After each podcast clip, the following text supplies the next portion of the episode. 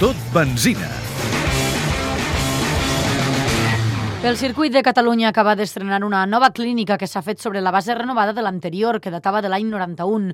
Carles Fradera és el responsable del Departament Tècnic del circuit. L'edifici antic eh, de l'any 91, amb, amb les característiques de l'any 91 que demanaven els equips mèdics o els serveis mèdics, té, tenia 235 metres quadrats. Ara s'ha fet un increment eh, de 205 eh, on hi han pogut encabir-hi un accés directe d'ambulàncies i un espai d'estar i de servei per tot el que és l'equip mèdic.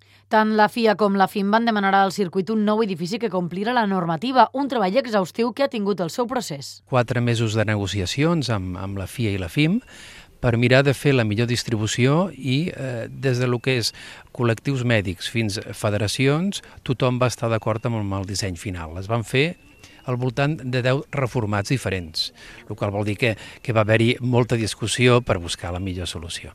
La nova clínica no només supera l'anterior en superfície, sinó també en prestacions, com reconeix Carles Fradera. La part mèdica és un espai d'espera eh, de, de, de tot l'equip mèdic, que evidentment no sempre estan en acció, però quan arriba el moment d'acció agafen els malalts i l'introdueixen a la zona de quiròfans, on hi ha cures intensives i cures generals. També un espai per cremats i eh, un vestíbul sanitari general.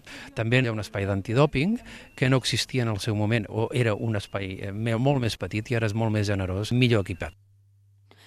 La màxima responsable dels serveis mèdics del circuit, Isabel Orna, que ha supervisat aquesta construcció juntament també amb els serveis mèdics del RAC. Això sí, marcat per un context de crisi que afecta el dia a dia i ha marcat també, per tant, la construcció del nou edifici. El cost d'aquestes obres eh, està al voltant de 400.000 euros. I la veritat, doncs, dintre del que és la contenció econòmica, hem aconseguit arribar a un equilibri eh, molt satisfactori.